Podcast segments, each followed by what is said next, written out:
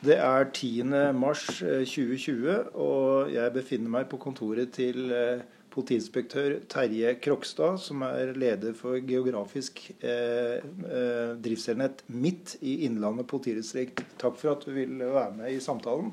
Bare hyggelig. Eh, Terje er politiutdannet. Han har meget bred bakgrunn fra politiet. Han har erfaring fra en rekke lederstillinger, bl.a. som lensmann i Brumunddal, og nå geografisk driftsenhetsleder i Innlandet politidistrikt. Og han sitter åpenbart også i politidistriktets ledergruppe. Vi skal i løpet av den samtalen her forsøke å få svar på hva, eller hva er det viktigste Terje har lært som eh, politileder gjennom mange år og i ulike stillinger. Vi vil komme inn på en rekke temaer som berører hans tanker, verdier, filosofier, synspunkter og erfaringer knyttet til ledelse og lederskap og det å være leder. Og vi skal avslutte med en oppsummering hvor han gir faktisk svaret på eh, hva han har lært om ledelse. Men først, hvem er Terje Krokstad? Ja, jeg er 55 eh, år. Jeg er gift med Randi. Har eh, vært gift med henne nå i ja, 25 år. Ehm, gikk da Politiskolen etter gymnaset. Har også gått befalsskole. Hadde en tre år i Forsvaret før jeg da kom inn på Politiskolen. Ehm, har jobba da som lensmannsbetjent flere steder. Ehm, jeg har også vært eh, en god del ganger inne i politiets data- og materielltjeneste og jobba med nasjonale prosjekter innen IKT. Og Så reiste jeg etter hvert opp til eh, Gudbrandsdal politidistrikt, eh, hvor jeg var lensmannsfullmektig, og etter hvert ble også leder for operasjonssentralen. Og var også med som operasjonsleder på, på operasjonssentralen der oppe. Så tok jeg meg et par år ute i det private næringsliv og jobba mye med risiko- og sårbarhetsanalyser i et uh, selskap som heter Teleplan.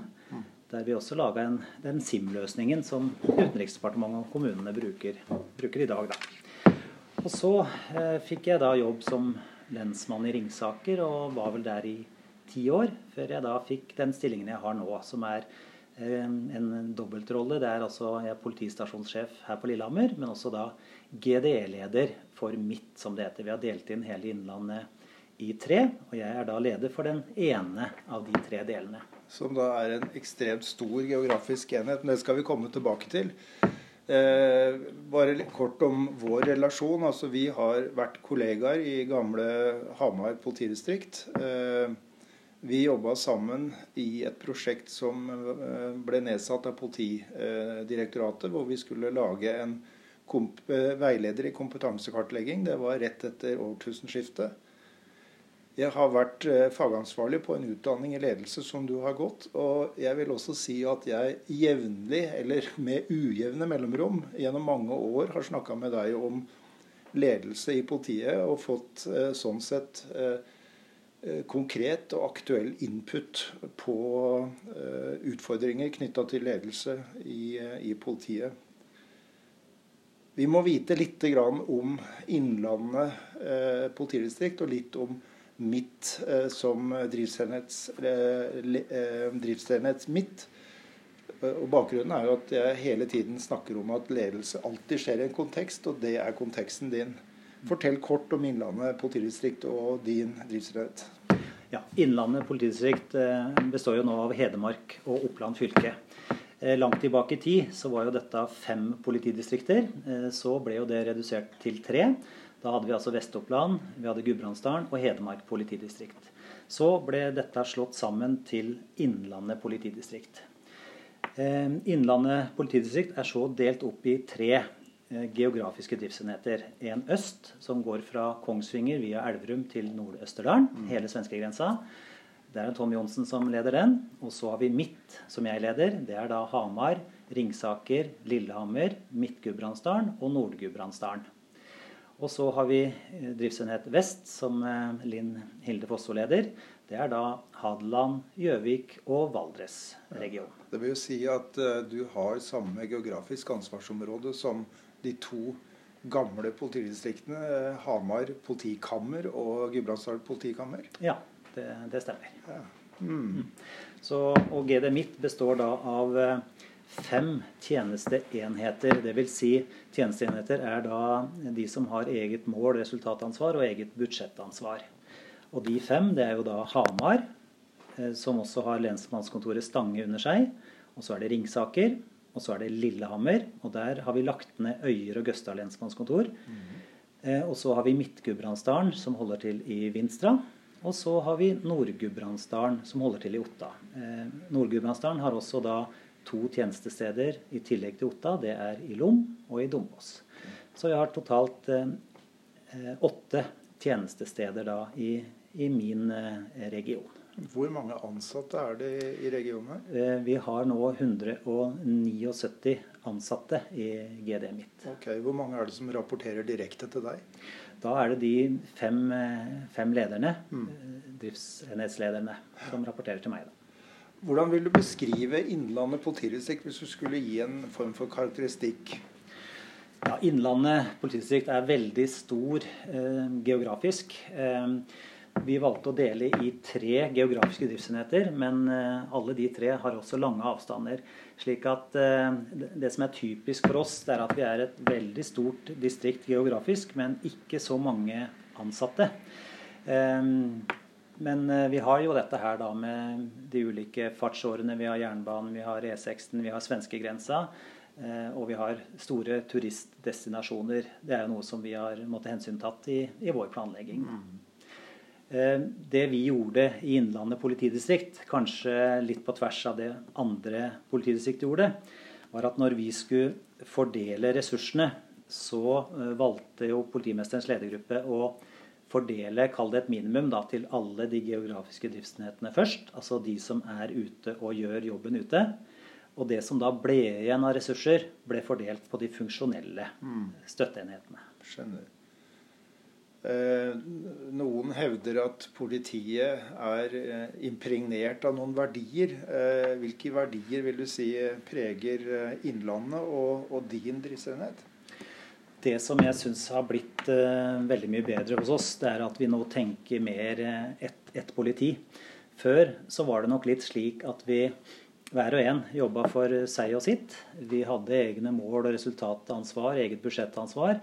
Eh, og vi ble ofte satt litt opp mot hverandre på hvem som leverte best. Mm. Det er det slutt på eh, langt på vei. Og det gjør at vi nå på en helt annen måte eh, låner bort, fordeler ressurser på kryss og tvers. Vi flytter mannskaper avhengig av hvor det er behov. Og det med den enhetlige tanken, den syns jeg er blitt veldig mye bedre i Innlandet politidistrikt. Ja, fint å høre. Hva er fortellingen om driftsenhet mitt? Ja, Det er en uh, fortelling om, uh, som du var inne på i stad, det er opprinnelig da to politidistrikt. Det er nå fem driftsenheter som alle nok har hatt sin kultur, mm. sine folk. Mange har jobba der i mange år. Ja. og det er en utfordring, men det er også en spennende utfordring. for nå skal vi fem Eh, lederne, for øvrig bare gubber, eh, komme sammen og, og, drifte GD midt på en best mulig måte, men samtidig også hjelpe Innlandet, slik at Innlandet i sum leverer best mulig polititjenester. Men jeg syns vi har kommet veldig eh, godt av gårde. Vi bryr oss ikke så mye om kommunegrenser lenger. Vi bryr oss heller faktisk ikke så mye om eh, grensene mellom driftsenhetene, altså øst, vest og midt. Som et eksempel, eh, når vi noen ganger mangler folk på ei nattevakt her på, på, Lillehammer, så tar vi kontakt med Gjøvik. Eh, hvis de da har eh, en ekstra mann på, så flyttes den opp til Lillehammer for å slippe å bruke overtid. Ja, ja. Mm. Og på den måten da så, så, bruker vi ressursene mye bedre på tvers enn det ja. vi, vi, har gjort tidligere. Interessant. Hva gjør en geografisk driftsenhetsleder? Det er jo en relativt ny rolle. Ja, som geografisk driftsenhetsleder så er du jo både politistasjonssjef på den politistasjonen du sitter, pluss at du da er eh, lederen for de andre enhetene under deg. Så jeg pleier å si at eh, to, to til tre dager i uka så er jeg på reise og besøker de andre enhetene. Eh, og to til tre dager i uka så er jeg da politistasjonssjef. Men det går jo mye på det å legge til rette for de andre. Sørge for å Eh, ta med gode innspill inn i politimesterens ledergruppe. Mm. Sørge for å, å, tale de operatives eh, sak. melde inn saker, være godt forberedt, slik at vi har best mulig å drive for i den operative tjenesten ute. Mm. Det er nok mange som tenker at Tidligere så var det politimestere som eh, styrte både eh, politistasjonen eh, og politidistriktet, og du har for så vidt den samme rollen. Hva er forskjellen da på deg og en tidligere politimester, bortsett fra at vedkommende åpenbart satt direkte i påtalemyndigheten? Mm. Jeg tror nok den store forskjellen, og det håper jeg nå at de andre føler også, er at du er mer nettpå. Du er oftere ute. Du er eh, veldig ofte ute og besøker de ulike enhetene. Du deltar eh, i felles paroler med de ulike enhetene. Eh, du reiser mer rundt. Og jeg tror at du er mer nedpå i forhold til å, å, kjenne litt på kroppen hvordan det politioperative arbeidet foregår. En form for mer nærere ledelse? Ja, ja, det vil jeg si. Mm. Eh, jeg har jo kjent deg i mange år og vet at du er en, eh, en dyktig og bevisst eh, politileder. Når du nå kom inn i, for noen få år siden kom inn i rollen som geografisk driftsleder og politistasjonssjef, hva vektlegger du når du former rollen? Det som var viktig for meg, var først og fremst å prøve å bygge én felles kultur mm. i GD Midt. At vi skal få den gode samholdsfølelsen. At vi ikke ikke skal konkurrere, at vi skal prøve å fordele arbeidsbyrden likt. Mm. Så jeg har vært veldig eh, nøye med det, og jeg bruker statistikken eh, mye. Både på straffesaker, på antall oppdrag som vi er ute på. Ser og sammenligner mellom enhetene.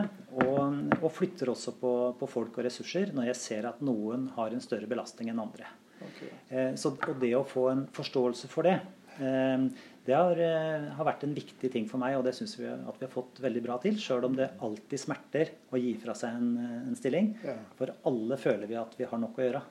Men da er det å prioritere blant de prioriterte, og, mm. og det er kanskje den største utfordringen eh, som politiet har i dag. Mm. Vi må inn på politireformen. Eh, den har nå virka siden 2016. Dvs. Si at den har vært i funksjon i fire år. Det er mye diskusjon og mange meninger om politireformen. Hva er eh, status, sånn som du ser det? Hva fungerer, og hva fungerer ikke så godt? Det er jo seks eh, prioriterte funksjoner eh, som, som, vi har satt veldig fokus på i, i, politireformen.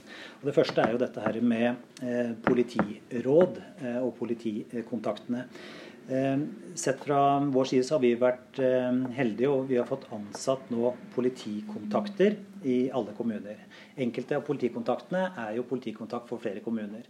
Men å gi politikontaktene eh, både ansvar og myndighet, slik at de kan møte ordfører, rådmann i den enkelte kommune med eh, makt og myndighet mm. fra politiets side, har vært viktig for oss. Og der får vi gode tilbakemeldinger. Så politiråd, politikontaktordningen, eh, er det tommelen opp for. Mm. Eh, når det gjelder operasjonssentralen, eh, så hadde jo vi tre. Vi hadde en på Gjøvik, vi hadde en på Lillehammer og en på Hamar. Nå er dette slått sammen til én. Operasjonssentralen er blitt en mye mer profesjonalisert organisasjon. Mm. Sjøl om det var litt motstand innledningsvis, så tror jeg med hånda på hjertet, jeg tror ikke det er noen som vil tilbake til tre ulike operasjonssentraler. Nå har vi et veldig proft korps, sjøl om vi i startfasen slet vi litt med at det var veldig utskifting. Det var veldig mange unge som kom inn. Det tok litt tid før operasjonssentralen også ble eh, godt kjent med hele geografien. Men det, det, var litt sånn barnesjukdommer som jeg føler at vi har rista litt av oss nå. Så operasjonssentralen er, er tommelen også opp for. Eh, vi har gått over til én felles arrest. I et stort distrikt som Innlandet så har det ført til at vi har nok færre innbringelser enn vi ellers ville hatt. Det gjør at eh, de eh, og lensmannskontor som ligger langt unna, nok har litt andre løsninger nå der folk tidligere ble kjørt i arresten, så kan det hende at de nå får et eh, besøksforbud, eh, portforbud nærmest, i, i byen.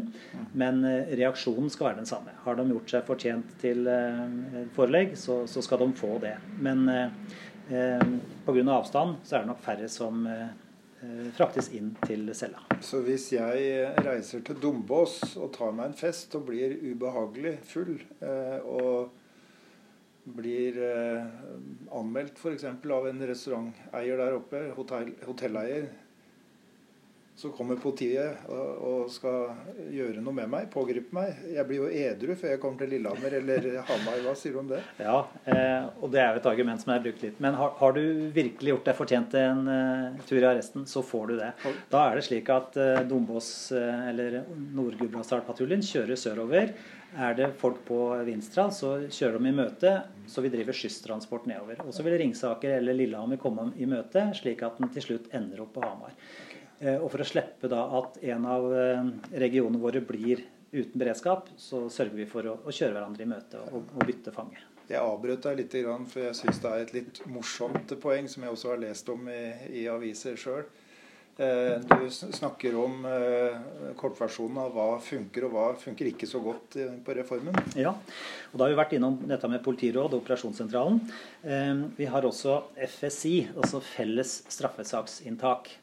Eh, det har vi ikke hatt i politiet før, men nå går altså alle straffesakene som opprettes, går innom FSI, som vi kaller det. Eh, også her så tror jeg det er ingen som vil tilbake til gammel ordning. Sjøl om vi i Innlandet vi har valgt å bemanne FSI ganske lavt i forhold til mange andre politidistrikt. Vi har ikke mannskaper nok til å bemanne dette på døgnbasis. Men når eh, FSI er oppbemanna, så håndterer de i dag ca. en ja, avgjør borti 40-50% av sakene. Vil si da enten at det blir eh, forelegg, eller at det blir en, eh, en påtaleavgjørelse, eller at det blir en henleggelse eh, i 50% av sakene. Og da resterende 50% går jo tilbake til den enkelte lensmannskontor politistasjon for videre etterforskning. FSI er en ubetinga suksess, vil jeg si, for Innlandet. Og de lensmannskontorene da langt av lei slipper nå å måtte ringe hver eneste morgen for å få noen til å ta avhør av de som er havna i cella. Nå er det mm. FSI som gjør det for mm. oss i GDE-ene. Så det fungerer veldig, veldig bra. Jeg har et spørsmål der også, fordi jeg leser jo lokalavisene, og det jeg ser er at juristene har Det er, to eh, forhold som jeg legger merke til. Det er at det er veldig stort arbeidspress, og at en del jurister slutter. Mm. Eh, er det for dårlig bemanning på juristsiden? Eh, Innlandet er nok av de politidistriktene som har størst antall saker per jurist. Og, og vi merker jo det i, i etterforsknings, på etterforskningssida også, at eh, det er veldig mange, veldig mange yngre jurister nå. Og det gjør jo at belastningen for de juristene som har vært med en, en tid, blir enda større. For det er ikke alle som heller har påtalekompetanse Eh, knytta til det å føre, føre saker. Mm. Um, ja, De to siste, bare si kort om det også. Etterretning. Um, der har vi også løfta oss. Nå er det slik at uh, i de ulike GDE-ene, altså de tre GDE-ene, så har vi nå uh, to personer som jobber på etterretningssida med å lage etterretningsdokumenter for oss i GDN-ene. Dette var noe som vi måtte gjøre lokalt tidligere, og da fikk vi heller ikke kanskje det store overblikket. Ehm, etterretning vil nok ønske å ha enda flere, men uansett så er, har vi tatt de første to trinna i, i trappa, og mm. dette syns jeg også fungerer eh, veldig bra. Til sist, eh, sist, så nevner jeg også felles tjenestekontor. Eh, man kan jo spørre seg hvorfor har vi ikke hatt dette tidligere. Mm. Men eh, tjenestekontoret nå går jo inn og ser på lister på kryss og tvers, slik at når vi har dronningbesøk, vi har eh, en stor framstilling som går over flere uker, så er det tjenestekontoret som går inn og trekker ut ressursene fra alle enheter som kan bidra, for å gjøre det billigst mulig, slik at vi kan ha mest mulig politiinnsats igjen til det daglige arbeidet. Har du tett uh, samarbeid med det tjenestekontoret? Ja. Jeg er så heldig å ha dem i samme gangen, okay. slik at uh, jeg både ser og prater med dem uh, daglig. Ja. Mm. Mm. Um, og så, det er dette som jeg syns fungerer bra. så må jeg jo si hovedutfordringen vår er jo etterforskning på eh, familievold og seksuelle overgrep. Mm. Det, det, har vist seg i alle våre enheter. Så bruker vi faktisk nå mer enn 40% av all etterforskningskapasitet bruker vi på familievold og seksuelle overgrep. Mm. Og når vi vet at eh, disse sakene også øker i antall, eh, og vi bruker mer tid på hver enkelt sak fordi at det stilles nye kvalitetskrav til hvordan dette skal gjennomføres, så er det en, en veldig utfordring for oss. Så kapasitet, spesielt på etterforskning av alvorlige eh, saker, familie og SO, Og sjølsagt kapasitetsutfordringer også på vakt og beredskap. Mm. Der nok mange føler at vi hele tida er på minimumsbemanning. Og vi ser at en fra 5 til 8% av oppdraga som vi burde ha reist på, er det ikke kapasitet til å reise på. Mm. Så vi kjører jo stadig målinger på dette her og følger med på det. Men eh, så opp, opp imot politireformen så kunne vi ønske oss at det hadde fulgt litt mer midler med. Da ville vi kunne gjort en enda bedre jobb for, for borgerne våre. Mm. Hva tenker du om eh, to tjenestemenn, kvinner per 1000 innbyggere? Er det et, et, et tall, en målestokk som er eh, si, relevant fortsatt? Det var jo det for mange år siden, og det er jo det som politikerne har vedtatt Eh, oppgangen i studentene til å være. Eh, nå har jo, om ikke kriminaliteten har endra seg, så er i hvert fall den type saker som politiet får, har endra seg. Også måten å jobbe på. Så jeg tror nok at vi er modne for å ta en ny vurdering på det. Og jeg tror at to per tusen eh, det, Vi bør nok øke, øke den for landet totalt sett. Vi er jo klar over det at vi som bor på landet, vi får nok eh, ikke to. Vi ligger på 1,5-1,6 nå. Mm. Eh, men eh, et par eh, 0, Altså opp til 1,7-1,8 så ville jo vi vært eh, veldig fornøyd i forhold mm. til bemanninga vår nå. Du har jo åpenbar støtte hos eh, Jan Bøhler, da, politikeren fra Arbeiderpartiet, som mm. mener at det kanskje Han sammenligner jo Eh, antall politimennesker mot eh, befolkningen i f.eks. Finland og en del andre relevante land å sammenligne med, og vi ligger jo lavt. Mm. Og en, en eh, betraktning knytta til det. Jeg kan jo referere litt hva Tor Axel Busch sa i sin avslutningstale.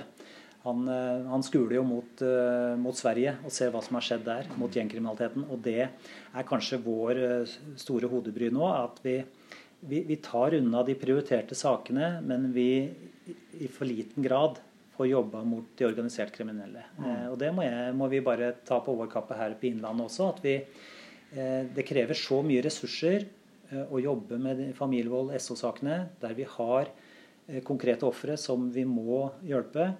Eh, og de må prioriteres høyt. Og da blir det mindre tid og kapasitet til å å gå etter bakmenn og gå etter organisert kriminelle. Mm. Ja, dette her er jo et oppspill vil jeg si, til både faglige og politiske myndigheter. Så mm. man må jo ta en diskusjon på det. Mm. Da syns jeg vi sier oss ferdig med det temaet her og går over på ledelse og lederskap. Da. Eh, eller lederskap. Det er jo to sider ved, ved samme sak. Eh, du eh, er altså leder for ledergruppen i din driftsenhet, åpenbart. Hva er det som teller? Hva er det som er viktig i, i, i, i din driftsenhet? Det som jeg syns er viktig for lederne, det er jo å gå foran og vise vei. Å være entusiastiske. Vi skal ikke verken skjønnmale eller rosemale noe. Vi skal være ærlige på, på jobben vi gjør og hvilke utfordringer vi har. Men, men, samtidig så er det måten man, man, tar nedskjæringer, måten man tar utfordringer på, mm. som jeg syns uh, sier mye om en leder. Mm. Det er interessant. da, Det er uh, to forskere som uh, gikk og så på Det gjorde litteratursøk av forskning på politiledelse som var publisert i 1990 til 2012. Og de plukka ut 57 artikler, og de eh, peker på, fant noen såkalte individuelle trekk ved gode politiledere. De var etisk bevisste. De var rollemodeller, det peker du på. Eh, gode kommunikatorer. Eh, viste kreativ og kritisk tenkning. Beslutningsdyktige og troverdige. Og de hadde legitimitet. Og Det ligner på noe av det jeg har hørt av deg tidligere også, men som du så vidt er inne på nå. Eh, hva forstår du generelt sett om ledelse? Hva, hva, hva, er din forståelse av det? Det er jo et begrep som har mm. utrolig mange innganger. Mm. Nei, Med ledelse så, så jeg tenker dette må gå foran. Eh, du var inne på dette med rolle, rollemodell. Ja, det er å, å gå foran, vise vei. Eh, og, og, sørge for å, å, å spille da, på de riktige ressursene. Du, du, må vite hvem som vet da, i organisasjonen. Eh, det er ikke sånn at du skal gå og tro at du vet alt, for det gjør du slettes ikke. Og, og desto mer eh, spesielle fagmiljøene blir, desto mindre har du egentlig å si innenfor det enkelte fagområdet. Fordi at det ble så sterkt og lukket, på en måte? Ja, Eller autonomt, og, kanskje? Ja, også at fagmiljøene blir så sterke, og de får lov til å dyrke sitt mm. fag mm. og bli veldig gode på det faget. Og det gjør jo at eh, jeg har veldig sans for generalisten, og generalisten skal vi fortsatt ha i politiet. Eh, det er jeg veldig glad for vi har. Eh, men samtidig så ser vi også at vi er nødt til å ha spesialistmiljøer. Det, det, må vi ha. For hvis ikke så henger vi ikke med i, i samfunnsutviklingen heller. Mm. Det er jo noen som sier at den uh, moderne generalisten er fortidens spesialist. altså som da, Det forteller noe om kompetansenivået til generalisten i, norsk politi i dag. Mm. Sett, hvis vi ser, og Sammenlignet med 20-25-30 år siden. Og jeg ser nå på hva, hvilke oppgaver vi dytter ut på politipatruljen. Mm.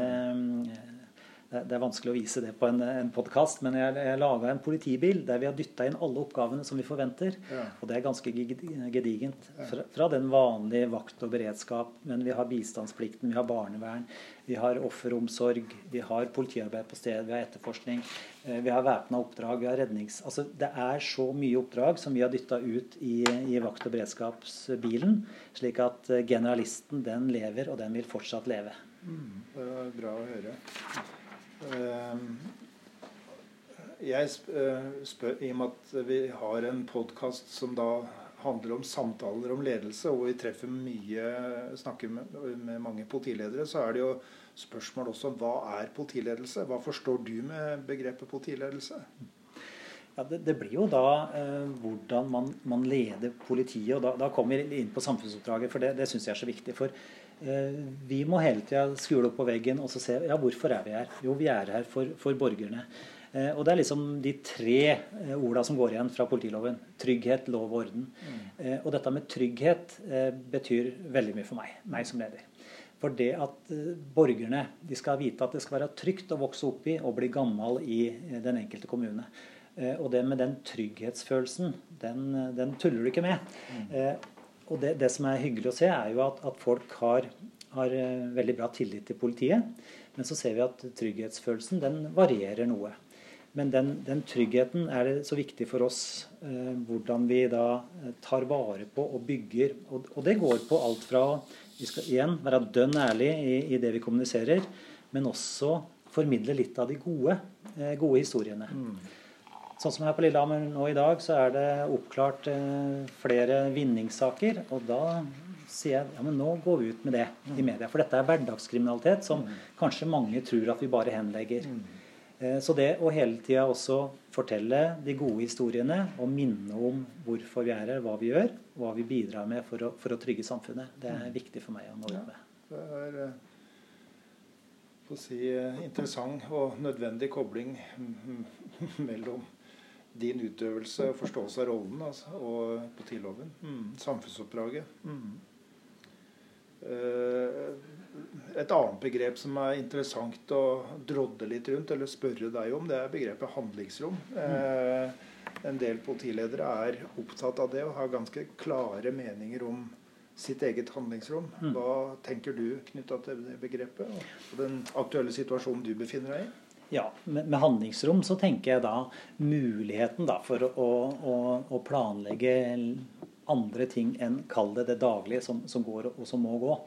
Og Vi vet jo at en, borti 90 av budsjettet vårt er jo tatt opp i lønning til de ansatte og eiendom, bygg og anlegg. Mm. Og den 10% som er igjen, den går til, til drift av biler, det går til Eh, overtidsbetaling på akutte hendelser. Slik at du har ikke det store handlingsrommet å planlegge med. Men jeg har jo da 170 ansatte. Ja. Eh, og jeg tenker at det handlingsrommet som jeg har, må jeg jo bruke i det daglige med alle lønnstakerne som jeg har, alle de ansatte. Det er jo der handlingsrommet ligger. Ja. At du sammen med ledergruppene finner ut hva er det vi nå skal satse på, hva er det vi nå skal velge å prioritere opp, og tilsvarende hva er det vi nå ikke har tid til å jobbe med. Mm. Og Det har kanskje vært eh, litt av utfordringen eh, som vi i ledelsen kanskje ikke har vært flinke nok til. Vi, vi er flinke til å meddele hva vi skal prioritere opp, mm. men ikke så flinke til å si hva vi nå ikke skal jobbe med.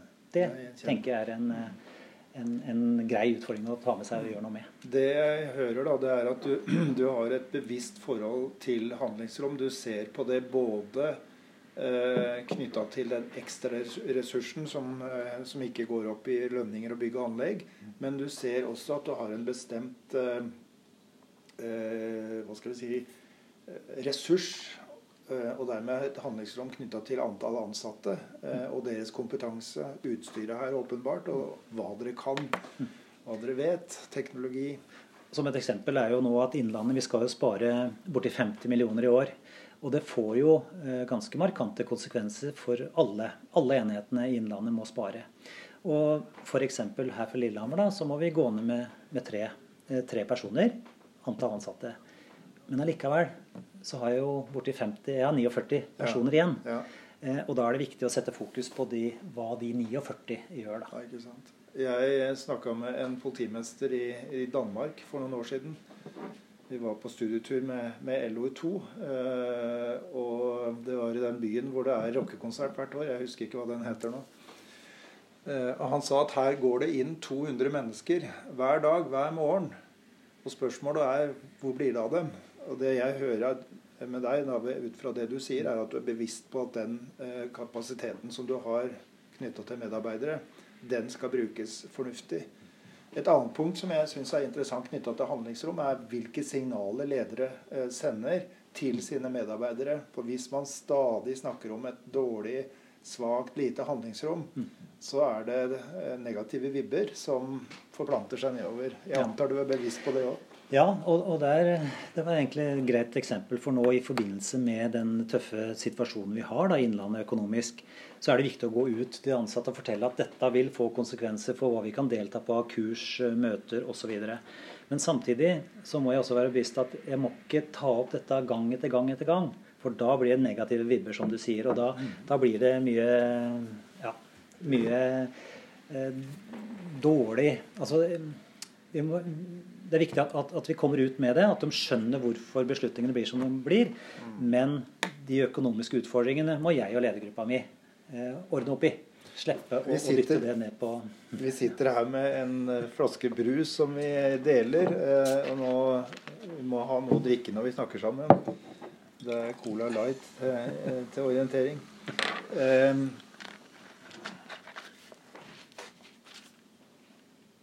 Jeg har nylig intervjua topplederne i politiet. 18, eh, dvs. Si 16 politimestre, politimestere særorgansledere i Norge pluss eh, riks, forrige riksadvokat og forrige og nåværende politidirektør samt svensk og dansk politidirektør. Et begrep som kom inn som jeg, fra flere, det var såkalt sersjantledelse. Og det var med negativ valør. Altså man sa at uh,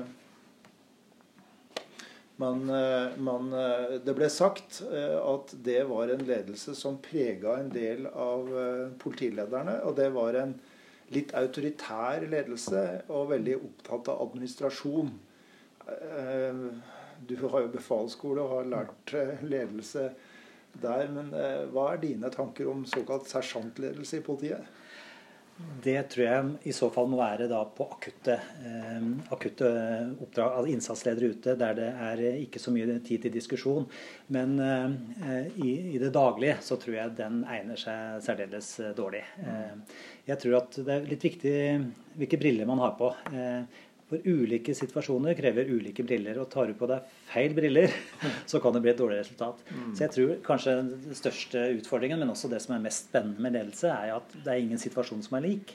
Og én måte å lede på den ene dagen er ikke sikkert at det passer i en eh, annen situasjon neste dag. Nei. Så det at man er eh, både ydmyk og villig til å ikke minst høre på eh, motargumenter, før man tar en beslutning. Men ute i det operative så tenker jeg at eh, da er det nok eh, kanskje sersjantstilen som egner seg. Da er det ikke alltid tid og rom for de store diskusjonene hvis det er eh, liv og legeme mm. som, eh, som, skal berges. Da kommer vi jo inn på, inn på den tenkningen som professor Keith Green fra England har presentert i en bok om politiledelse, hvor han snakker om eh, management, eh, leadership og command. Og command er den direkte sersjantledelsen som da passer i situasjoner hvor tida er knapp og si risikoen er stor for at det kan gå den ene eller andre veien.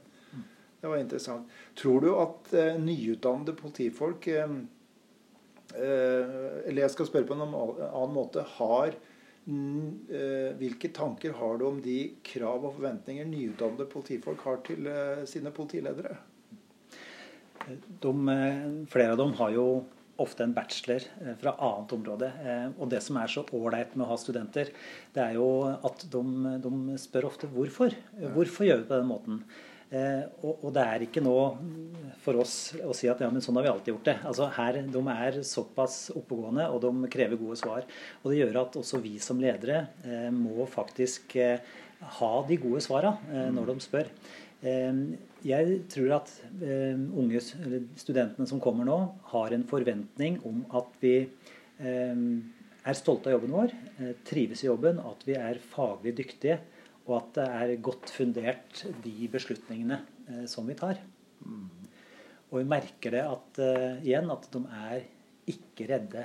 Uh, altså Det virker ikke som de er vant til noe uh, redd for at det skal være sånn sersjantledelse.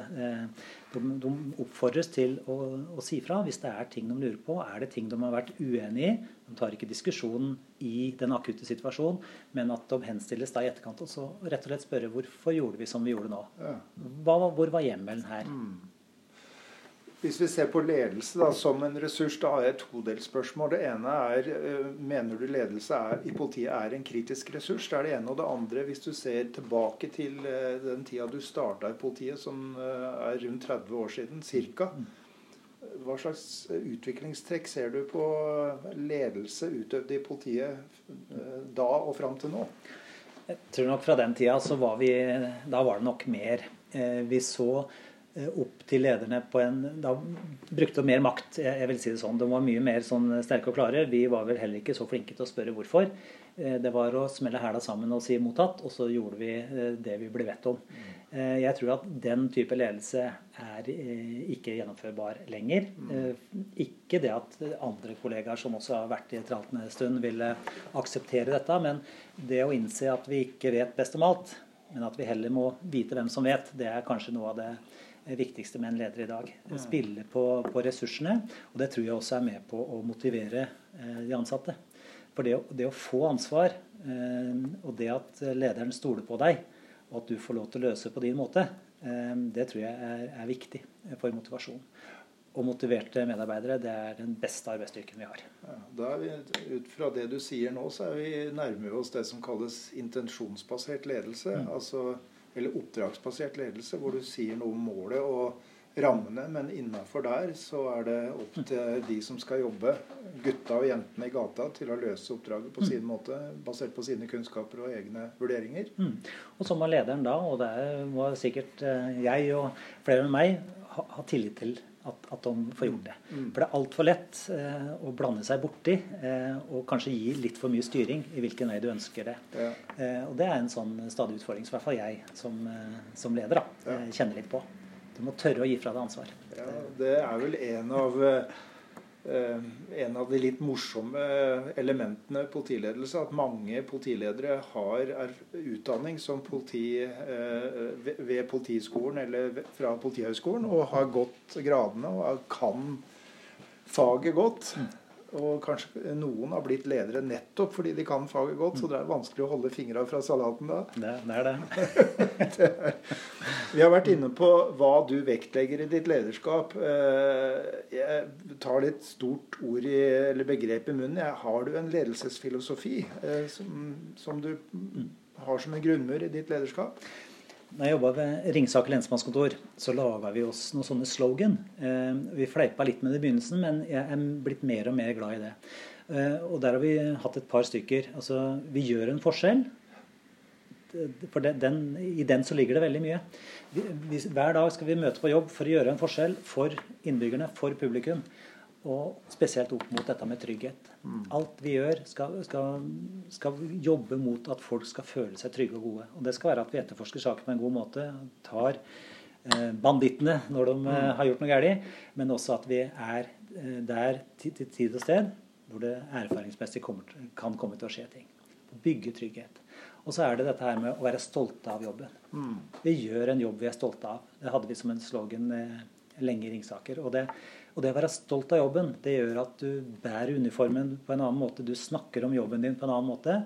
Um, og det tror jeg smitter også til de andre ansatte. Mm. Forstår det. Hva, uh, hva, vil du si beskriver en for deg da, dyktig politileder, hvis du skal se på, uh, peke på, kanskje tenke deg et, et, konkret menneske som du mener er dyktig i lederrollen? Hva er kjennetegn på den personen, både på egenskaper og på uh, hva skal vi si, atferd? Mm. Han skal være ærlig. Han, han, eller hun skal være ærlig, faglig dyktig. Er en litt sånn menneskekjenner. Eh, kunne lese mennesker. Og også kunne ta på seg de, ulike brillene, som jeg sier. Være, eh, kan være den, den med medfølelse hva heter det, trøste og bære litt, mm. men også den som uh, skjærer igjennom og sier at uh, sånn og sånn gjør vi det. Så jeg tenker igjen dette med å, å, å vise vei, uh, gå foran, være en rollemodell for de andre. Mm. Um, og gjøre det samme som det vedkommende sier, det, mm. det er viktig. Mm. Å stå for noe. Ja. ja. Mm. Um,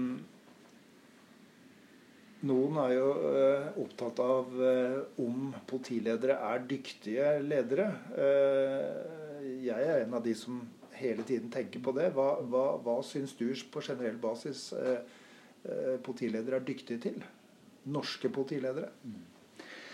Da må jeg tenke litt på de ledere som jeg har rundt meg, og som de som jeg jobba under. Eh, og jeg tenker igjen eh, faglig dyktig, eh, og det at de har en, en oppriktig ønske om å levere godt for publikum, mm. det betyr mye for meg. Og det, det, viser at de da har tanken sin opp mot samfunnsoppdraget. Altså hvorfor er vi her? Vi er, vi er her for publikum, mm. ikke omvendt. Mm. Og det tenker jeg, og hvis man i, i tillegg da følger opp med, med dette med å, å, kunne behandle mennesker på en ålreit måte, være god til å, å, kommunisere, og evnen til å, å, ta på de ulike brillene som jeg nå har nevnt eh, mange ganger, det tenker jeg er en, en, en god eh, politileder for meg. Mm.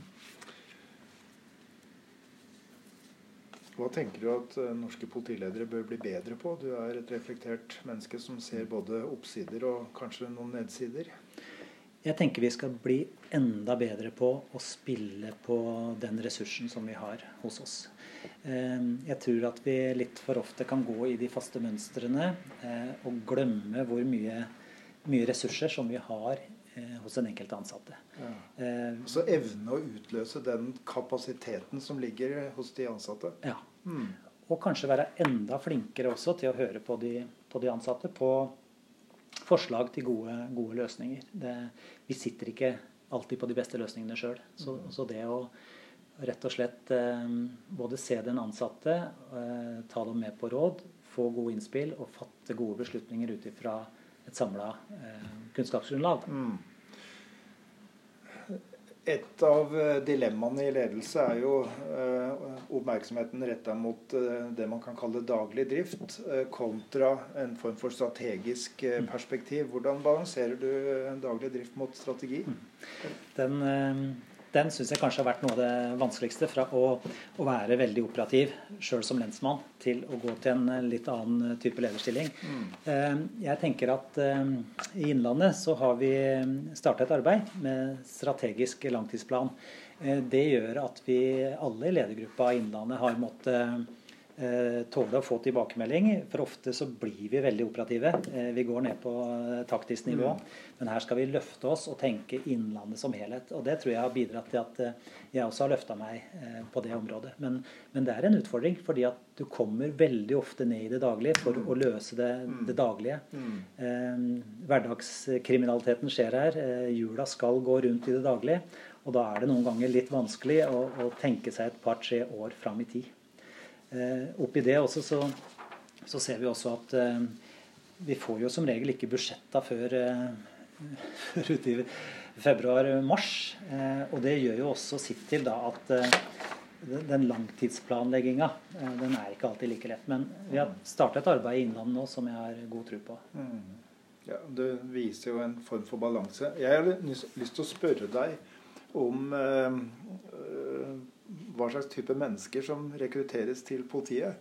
Mm. Uh, det er en del kritikere gjennom flere år som har pekt på at uh, politiet, gitt den samfunnsrollen eh, politiet har, og politiarbeidets art, med utøvelse av makt og autoritet på vegne av samfunnet, så kan det tiltrekke seg en spesiell type personlighet. Eh, eh hva tenker du om sånt, eh, en sånn kritikk og en sånn eh, påstand? Nei, jeg tenker at uh, de som da er ute etter makt, vil nok ganske fort bli silt ut. Uh, de som kommer inn som studenter på Politihøgskolen, blir tett fulgt opp underveis. Både av, har en egen veileder som følger dem stort sett på hver eneste vakt. Det er også veiledningssamtaler. Og, og hvis noen da har uh, ja, har noen av de tendensene da, til at man skulle misbruke makt, så, så vil det fort bli oppdaga og, og, rapportert inn. Så de vil ikke få noe lang karriere. Jeg vil si tvert imot. Ja. Veldig mye av jobben til politiet er faktisk det motsatte. Det er omsorg. Mm. Eh, hver eneste uke så bistår vi både barnevern, helse, eh, psykiatri, eh, personer som er suicidale. Det er minst like mye av den rollen som politiet har. Og vi har faktisk eh, fått en eh, kanskje enda mye viktigere rolle, eh, spesielt opp mot helsepsykiatri, enn det vi har hatt tidligere. Mm. Flere tilfeller, og der det krever en, en annen holdning enn, enn det du innleda med. Ja, jeg legger den ballen død, og så går jeg opp på litt på det jeg har kalt dilemma, læring og vekst. Hva opplever du som interessant, givende og utviklende ved, ved lederjobben i politiet? Jeg syns det er veldig ålreit når du har gått på lederkurs, få litt begreper, få litt basiskunnskap, men så være inne i lederfaget, jobbe ei stund, før du da kjører videreutdanning. Det syns jeg var en veldig ålreit måte å gjøre det på. Da hadde du fått en del grunnleggende, eh, kall det eh, teori, som du etter hvert nå får bygd, eh, bygd og prøvd deg fram på som egen leder. Og så tenker jeg at eh, Men det vi kanskje kunne vært litt flinkere til, vi har innført det vi kaller fot i bakken-samtale. Mm. Det er det jeg snakker med mine. Politimesteren har jevnlig samtale med meg. Mm. Den lurer på ja, hvordan går det nå, Terje. Mm. Eh, det vi var enige om sist, hvordan har det gått? Hva, det, hva, lykkes du med? Hva er utfordringene dine? Det har jeg videreført til mine ledere. og jeg, Det syns jeg er veldig ålreit. At det skal ikke være den ene årlige medarbeidssamtalen, men det vi kaller en fot i bakken-samtale. Hvor hyppig kommer de? Ja, med mesteren så er det i hvert fall en gang i måneden. Ja. Og det, det syns jeg er veldig ålreit. Ja. Og tilsvarende prøver jeg da å holde med mine. Mm -hmm. Og det tenker jeg er noe som vi eh, kunne ha videreført eh, utover i, i, leddet. Det har vi nok ikke fått gjennomført enda, men det har jeg ambisjoner om. For det, mm. det syns jeg er en veldig ålreit måte. Og det trenger ikke å ta så lang tid, men det å bare ha tid, skyve seg vekk fra telefon og PC, se hverandre i øya og, mm. Hvordan går det egentlig med deg? Mm. Eh, det er veldig godt. Snakker dere om eh, hva skal vi si, behov, ønsker og krav fra, eh, om ledelse fra medarbeiderne? Eller kommer det gjennom medarbeidersamtalen eller på annen måte? Det kan da være hvis det er en spesiell utfordring, eller hvis det har vært noe som du føler at du har lykkes veldig godt med. Da. Og har det vært en spesiell case som du kanskje tok opp ved forrige Foten i bakken-samtale, så kan det være en oppfølging da neste gang. Ja. Hvis du, du, kan ta opp at nå, nå, har jeg en utfordring fordi at jeg må snakke med en ansatt om slik og slik, så følger vi opp da etterpå. Ja, hvordan, hvordan gikk den samtalen? Og koble på litt av den forskningen som eh, de to australske forskerne publiserte i 2013. Altså de så på 57 forskningsartikler som mm. eh, var publisert i uh, årene 1990 ca. til 2012. Og da var det ett av spørsmålene hvordan lærer politiledere ledelse? Mm. Og det er akkurat som du sier, en kombinasjon av formell eh, ledelsesutdanning, eller lederutdanning, mm. eh, og praksis. Mm. Men i tillegg så er det det å være mentor. Mm. Det å være eh, mentor for eh, andre ledere, eller underliggende ledere, det er den sterkeste mm. eh, hva skal vi si, mest potente læringssituasjonen som, mm. som, blir sagt av politiledere i de undersøkelsene. Mm. Formell utdanning, praksis og mentorvirksomhet. Ja. Og i, i Ledermøtet Innlandet så har vi begynt med burde vi kanskje hatt før, men nå har vi i hvert fall begynt med det. da, I, slutten av hvert møte så har vi en evaluering. Hvordan gikk dette møtet?